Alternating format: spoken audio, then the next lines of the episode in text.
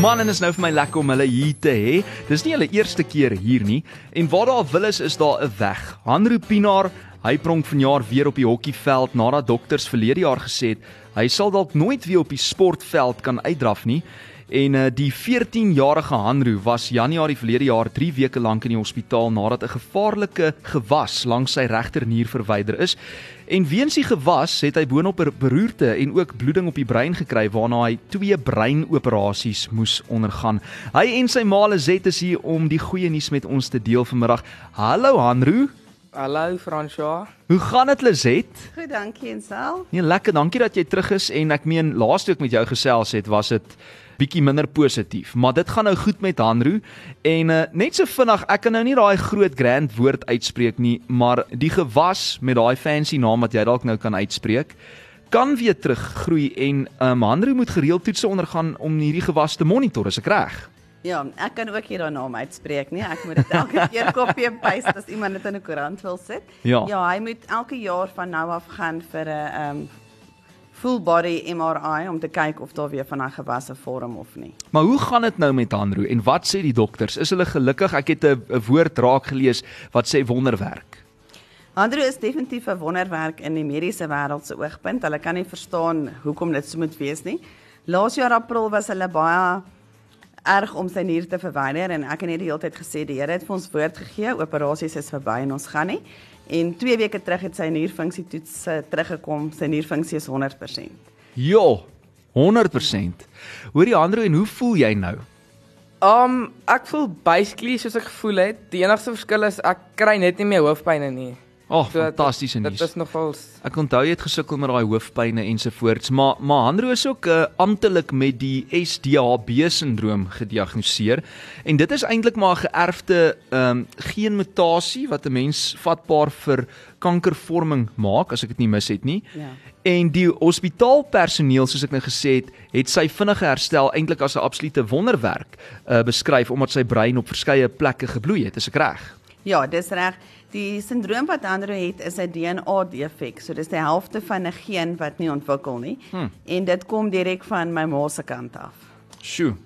En uh, ek sien jy sê ook Hanro sukkel nog so nou en dan met die met die akademiese werk omdat hy dan nou eintlik maar bietjie breinskade weens die bloeding gekry het of dis net vir hom 'n goeie verskoning, ek weet nie. Maar dele van sy brein uh, waar logiese denke dan nou plaasvind Lizet en ook die korttermyn herinneringe uh, waar dit geberg moet word is 'n bietjie beskadig.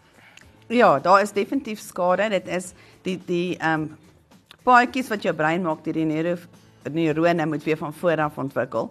Maar daar's nie skade soos in hy stadig of enigiets nie. Dis vir hom meer 'n verskoning as Ja. wat dit regtig 'n mediese ding is. Maar die die die goeie nuus daarvan is die brein sal mettertyd weer nuwe paaie vorm, maar dit sal so ongeveer ek dink 10 jaar neem het het hulle gesê om te herstel. Ja, dit is wat die neuroloog vir ons gesê het, dit vat maksimum 10 jaar weer vir die brein om ten volle te genees teen wat hy was. maksimum maar met Hanro dink ek gaan dit vinniger gebeur want hy het mos nou al reeds bewys hy kan.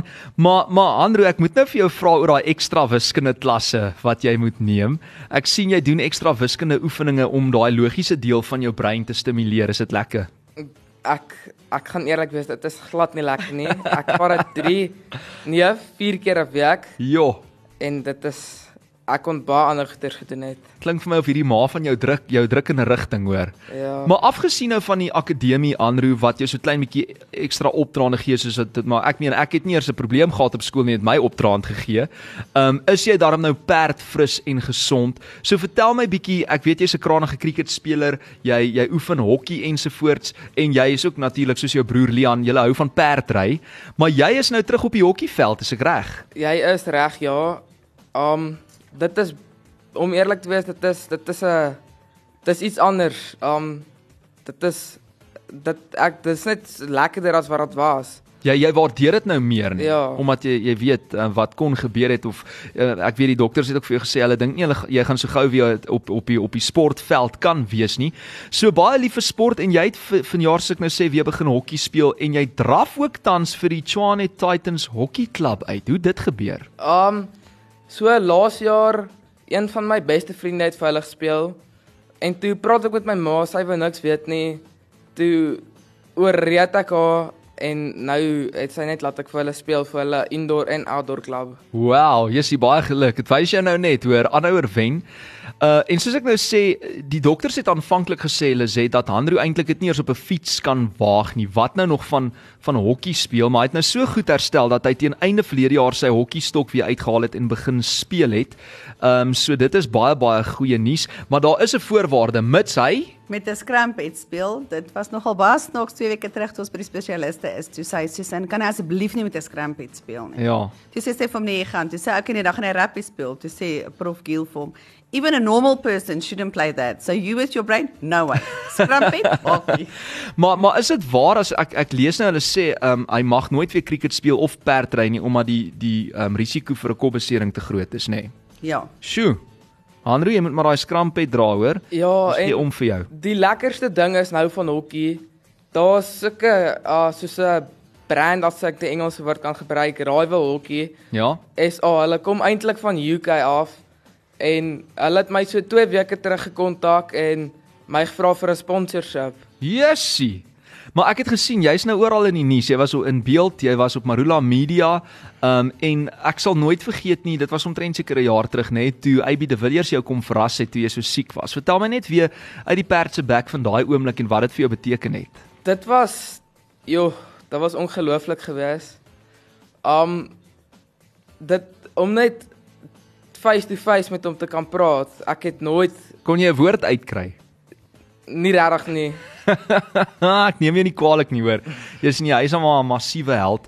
So dis Hanro en uh, hy het nou verlede jaar ook sy hoërskoolloopbaan aan die Afrikaanse Hoërseunskool afgeskop. Jy's verjaar graad 9, hè? Ja. In wie se klas? Dis meneer Geert se mas klas. OK, wil nou nie vir meneer Geert se vra of jy soet of stout is nie, maar ons sal dit seker ook uitvind binne die volgende jaar.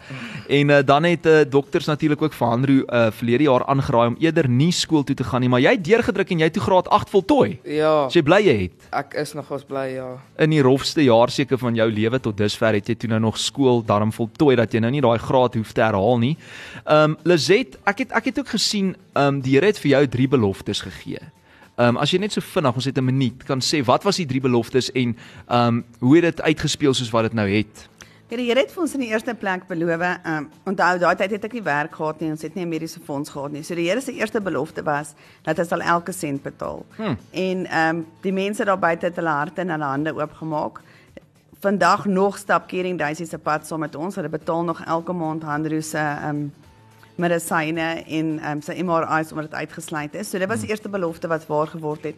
Die tweede plek het die Here vir my ehm um, volkomme genesing beloof. Hy het gesê Handro sal met 'n ehm um, glimlag uit die hospitaal uit loop, naai verlam is en al goed gebeur het en dit het gebeur. Sjoe. En die Here het vir ons gesê hy sal elke dokter kies met wie ons baie kruis en dit het gebeur. En dit het lank gevat vir die volkomme genesing om te manifesteer. Ons het eers 2 weke terug die groen lig gekry, bloeddrukpille is weer minder gemaak. Maar dit het Jo. alles gebeur. Om dit mooi op te som met 'n vriendin vir my laasweek gesê, Hanru was born for this time. Mm. Where there's no hope or little hope left.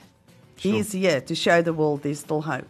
Jessie, dis 'n fantastiese boodskap. Dankie dat julle julle storie kom deel het in Goeie Nuus Vrydag. Hou ons asseblief op hoogte van sake en laat weet ook maar as Hanri te stout eh, te stout raak of hand uitruk hoor.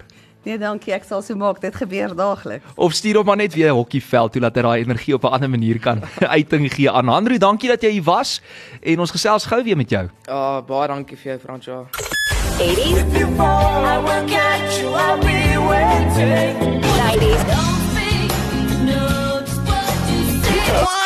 more time today.